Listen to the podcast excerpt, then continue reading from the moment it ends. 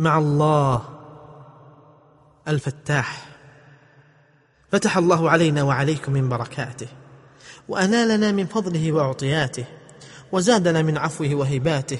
الله حسبك مما عذت منه به وأين أمنع ممن حسبه الله؟ وهو الفتاح العليم فهو الله الفتاح لمغالق القلوب بمفاتيح الهداية والإيمان. وهو الله الذي يفتح لأوليائه أبواب المعارف والعلوم والحكمة والبصيرة وهو الله الذي يكشف الغمة عن عباده ويفرج كل هم وينفس كل كرب ويزيل كل ضر.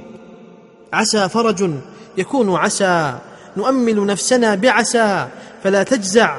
إذا حصلت هما يقبض النفس فأقرب ما يكون المرء من فرج إذا يئس.